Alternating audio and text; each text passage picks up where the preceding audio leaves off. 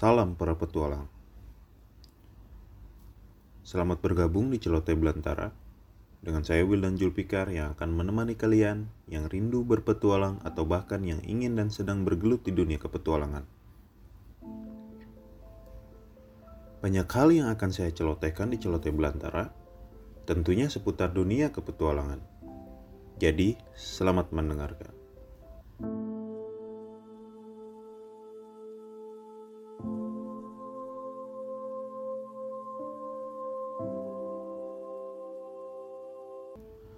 Pada postingan sebelumnya, saya membahas seputar rindu mendaki gunung.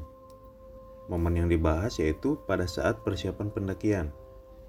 Dan kali ini saya masih akan membahas tentang rindu mendaki gunung. Namun yang akan saya celotehkan pada kali ini yaitu ketika proses pendakian pertama saya di Gunung Manglayang.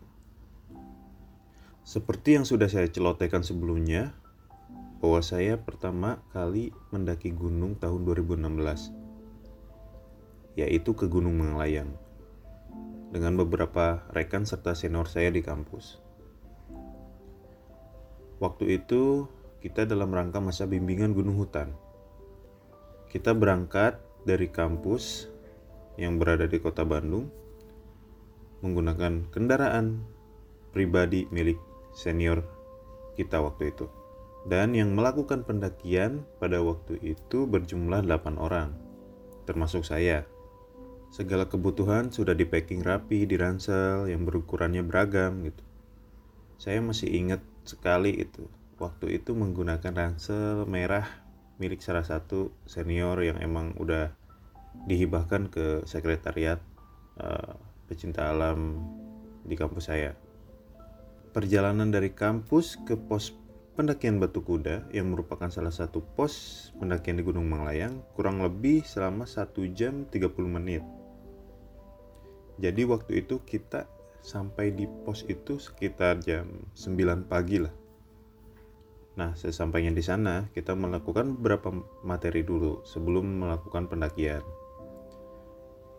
Dari mulai materi navigasi darat, ilmu penaksiran, iklim dan medan, serta beberapa materi dasar pendakian lainnya gitu.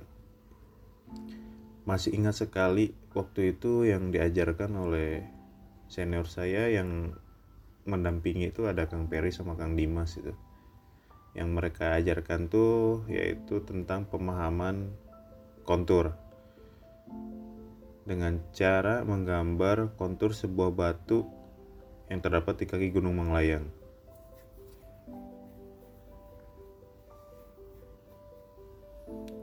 Kurang lebih 2 jam 30 menitan kami melakukan beberapa materi yang di kemudian dilanjutkan dengan memasak untuk makan siang. Tidak usah diragukan oleh kalian, salah satu menu yang pasti tersedia adalah ikan asin kere yang kita beli subuh tadi di pasar Ciroyom.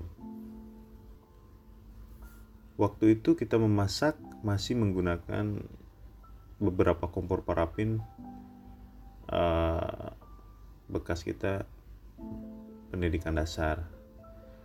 Setelah kita melakukan makan siang bersama, kita pun bersiap untuk melakukan pendakian ke Gunung Manglayang dengan menggunakan jalur bagian timur. Jadi, Gunung Malayang itu dikenal dengan tiga puncak, yang di mana ada puncak barat, puncak utama, dan puncak timur. Dan waktu itu jalur yang kita pilih adalah menuju puncak timur terlebih dahulu. Karena banyak spot untuk melakukan materi navigasi darat di sepanjang jalur tersebut. Masih terasa sekali beban ransel yang saya kenakan waktu itu gitu. Karena ya itu pertama kali saya bawa ransel kangen juga gitu pakai ransel merah itu ditambah dengan satu daypack yang berisi perlengkapan P3K waktu itu saya bawa. Kita pun mulai bergerak dan melakukan pendakian gitu. Itu pertama kali saya mendaki gunung dan membawa ransel yang berat sekali. Ya, dan begitu pun teman-teman saya yang lainnya itu. Mau itu yang laki-laki ataupun yang perempuan ya sama aja gitu. Karena itu kebutuhan kita sendiri dan emang bener-bener kita buat checklist dan lengkap sekali gitu. Supaya ya kita nanti tidak kekurangan dan bener-bener safety gitu. Untuk kita nanti pada saat di Gunung Manglayang gitu. Walaupun mungkin sebagian orang menganggap ya Gunung Manglayang tuh ya termasuk gunung yang tidak begitu tinggi. Kemudian mungkin grade persiapannya tidak sebanyak ketika mendaki ke gunung-gunung besar lainnya misalnya Semeru dan yang lainnya. Tapi pada dasarnya setiap pendakian mau ke gunung mana pun mau itu yang tinggi yang di atas 2000 ataupun gunung berapi dan segala macam semua pada dasarnya ilmu persiapannya sebelum mendaki ya itu sama aja gitu kita harus benar-benar manage, membuat checklist dan membawa segala kebutuhan yang sesuai dan yang aman untuk kita ketika melakukan pendakian. Nah, kita lanjut ya. Kenapa saya bercerita proses pendakian ini karena banyak kejadian-kejadian yang selalu nempel gitu di ingatan saya dan ya momen-momen yang saya rindukan gitu untuk terus kembali mendaki itu saya mungkin setelah melakukan pendakian ini yang pertama ini saya udah lebih dari lima kali naik gunung Manglayang lagi naik gunung Manglayang lagi. Baik itu uh, pendakian yang emang sifatnya tugas organisasi ataupun yang emang hanya pribadi dan teman-teman saja gitu. Nah, normalnya mendaki ke Gunung Manglayang itu berdurasi kurang lebih 2 jam 30 menit. Mungkin bisa kurang dari itu jika memang uh, orang-orang yang udah terbiasa. Tapi ada juga yang emang lebih dari itu gitu. Tergantung bagaimana kita melakukan pendakiannya dan seperti apa orang yang melakukan pendakian tersebut. Ya, waktu itu kami bukan hanya sekedar mendaki saja gitu. Ada sebuah target pembelajaran yang dikejar dan tentunya tertuang dalam rencana operasional perjalanan. Salah satunya melakukan beberapa navigasi darat selama perjalanan. Lebih dari empat navigasi darat waktu itu kita lakukan dengan beberapa diskusi dan pembekalan materi lainnya. Jadi kita nih navigasi darat pertama misalnya pembelajaran tentang apa orientasi peta atau apalah gitu. Terus kita diskusi dengan ya senior kita waktu itu. Nyampe emang benar-benar uh, hasilnya tuh mendekati ya target yang direncanakan. Setelah semua materi navigasi darat dirasa cukup kita pun melakukan pendakian kembali. Waktu itu sekitar pukul setengah empat sore kalau gak salah kita mulai melanjutkan perjalanan di bawah kondisi awan yang udah mulai menghitam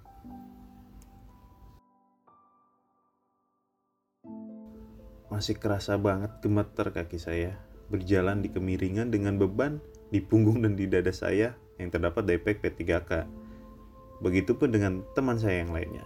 Itu merupakan pendakian pertama bagi kami hingga kita melakukan beberapa kali istirahat dan ya untuk menjaga ritme dan kondisi ya kita sambil bercanda gurau lah. Supaya tidak terlalu tegang dan supaya suasana tetap mencair. Karena ya sejatinya apa pun itu tidak boleh dipaksakan. Dan kita harus tetap ikhlas serta bahagia selama menjalankannya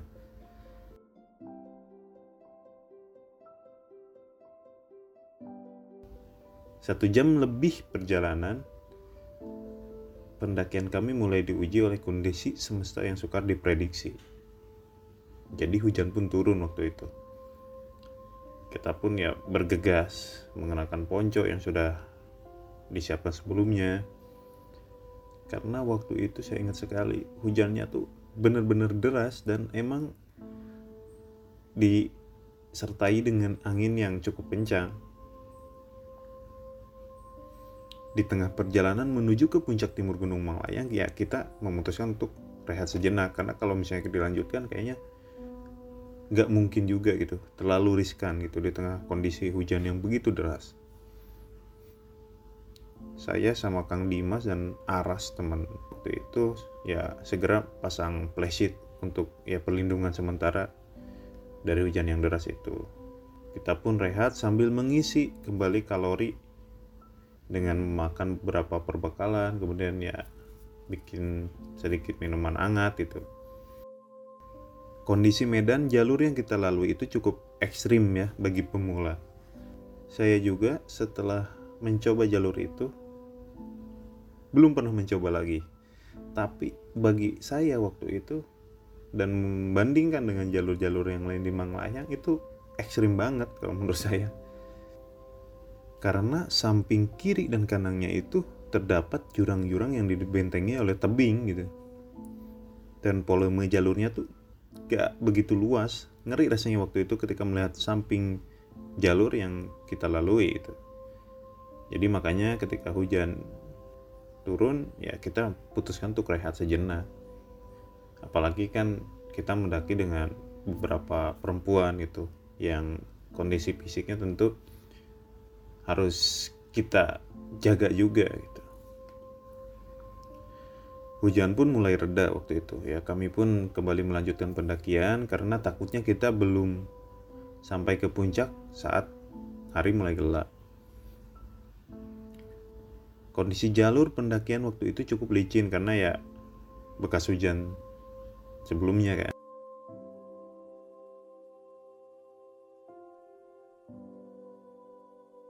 Hingga pada waktu itu terjadi kejadian yang cukup membuat kita semua panik dan tegang. Salah satu rekan saya namanya tuh Anis. Jadi uh, karena mungkin udah kita udah sama-sama capek, kemudian ya terkuras tenaga. Ya intinya karena mungkin lelah ya. Jadi dia terpleset hingga akan jatuh ke jurang waktu itu. Ya sontak dong secara spontan teman-teman yang lain terutama yang perempuan itu ya teriak karena ya kaget itu jadi badannya dengan posisi bagian kepala terlebih dahulu itu udah mengarah ke jurang gitu udah mau jatuh. Tapi beruntung waktu itu Kang Peri kalau salah. Kang Peri itu udah lari dan sigap itu memegang kaki Anis gitu hingga bisa tertahan gitu. Kayaknya kalau nggak kepegang dia udah los saja gitu. Ya setelah melihat Kang Peri yang megang kakinya otomatis kita juga bergegas ikut membantu gitu. Saya pun ya bergegas mencari jalan untuk membantu menarik Anis supaya apa dia bisa dibawa ke tempat yang lebih aman gitu dan alhamdulillah teh anis ini bisa kita tarik ke tempat yang aman. Tapi dia masih ya kaget lah sok masih sama dengan kita juga itu waktu itu. Cuman ya kita nggak kalau yang cowok-cowok ya nggak terlalu menunjukkan itu gitu. Karena ya takutnya malah membuat kondisi yang perempuan lainnya juga ikut tegang dan panik gitu. Ya terlihat banget lah wajah-wajah wajah-wajah kita itu yang anjir tegang banget lah. Yang kelihatan banget anjir kaget ini semua ini kaget gitu. Ya bayangin pendakian pertama gitu semuanya gitu melakukan pendakian pertama tiba-tiba ada kejadian yang yang bisa dibilang ya cukup mengancam keselamatan gitu. Gimana gak kaget coba ya. Ya setelah melakukan beberapa treatment gitu. Akhirnya Anis ya bisa kembali fokus lagi gitu sadarkan lagi. Dan ya kita coba tenangin lagi diri kita bareng-bareng gitu. Istirahat dulu waktu itu. Ya biasa lah dikasih minum dulu dan segala macam kita pun sama. Ya sekitar 15 menit menenangkan diri di momen tersebut kita kembali melanjutkan pendakian. Karena di posisi kejadian sampai ke puncak itu kurang lebih ya 15 sampai 20 menitan lagi lah. Udah dirasa tenang ya kami melakukan pendakian kembali untuk menuju puncak. Setelah melakukan perjalanan sekitar berapa menit itulah tiba-tiba berhujan lagi. Lebat banget waktu itu. Anjir baru aja tadinya diguyur sama hujan terus terjadi kejadian itu tiba-tiba sekarang diguyur lagi gitu ya kita pun memutuskan lagi buat rehat lagi gitu untuk dan pasang playset lagi waktu itu. Karena gak mungkin juga kita paksain gitu karena ya medannya udah mulai terjal banget gitu. Hujan masih terus turun dengan deras sekali. Beberapa dari kami pun udah mulai merasakan dingin gitu termasuk saya waktu itu. Karena saya itu ketika mendaki itu termasuk orang yang gak tahan bukan gak tahan ya. Cepet sekali ngerasain dingin. Nah kita pun ya biasalah. Masak air bikin air hangat ya bikin teh manis dan segala macam lah supaya emang bisa menjaga kondisi tubuh kita agar tidak terkena hipotermia ya supaya lebih menjaga stamina kita lagi aja. Dan melakukan beberapa canda gurau lah untuk mencairkan kembali suasana supaya nggak terus terbayang momen tegang tadi itu. Dan supaya kita bisa kembali fokus lagi itu waktu itu sekitar pukul 6 sore lebih lah. Dan hujan masih turun walaupun tidak terlalu deras ya. Kita sempat berpikir untuk mendirikan tenda di sana tapi pas ya saya cek kondisinya nggak mungkin kan karena medannya terlalu kecil gitu. Hingga akhirnya ya kita putusin untuk kembali melakukan pendakian menuju puncak. Dengan menggunakan center yang sudah kita siapkan kita pun melakukan pendakian dengan penuh hati-hati. Hingga kurang lebih 15 menit sampai 20 menit ya kita sampai di puncak timur Gunung Malayang dan ketika sampai puncak ya emang hujan pun udah reda gitu. Sampainya di sana segera kami mendirikan tenda memasak untuk makan malam dan membuat api unggun untuk menghangatkan suasana pun sudah mulai reda ditambah dengan suguhan pemandangan kota Bandung di malam hari yang membuat kami merasa ya tenang gitu dan itu adalah salah satu pemandangan terindah saya di atas ketinggian yang membuat saya candu untuk kembali mendaki lagi. Anjir, emang itu kangen banget, kangen banget ke naik ke Gunung Manglayang lagi. Setelah itu ya kayak rutinitas saja setelah itu mendaki ke Gunung Manglayang itu. Kadang sampai puncak, kadang ya hanya di kaki gunungnya saja gitu ya pokoknya asik lah Manglayang asli emang itu momen yang nempel banget berarti itu 2016 sampai sekarang 2021 dan itu hal-hal yang proses pendakian pertama saya itu dan teman-teman saya itu masih nempel di benak saya gitu dan itu juga yang menjadikan pembelajaran untuk saya begitu pun teman-teman saya untuk lebih baik lagi, lebih safety lagi, lebih dipersiapkan lagi, lebih di manage lagi di pendakian-pendakian berikutnya.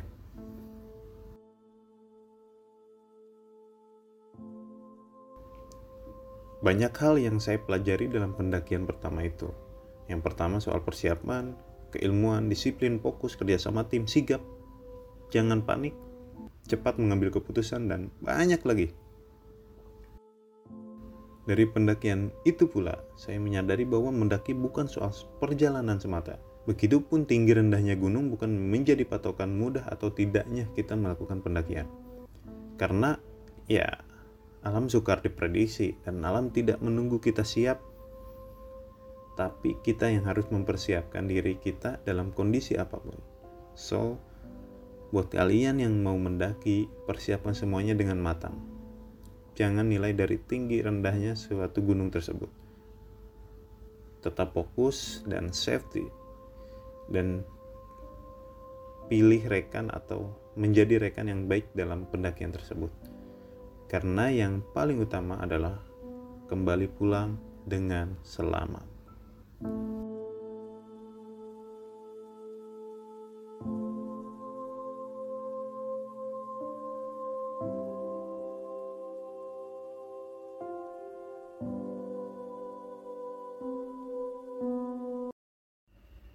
Terima kasih buat kalian yang sudah mendengarkan celoteh belantara.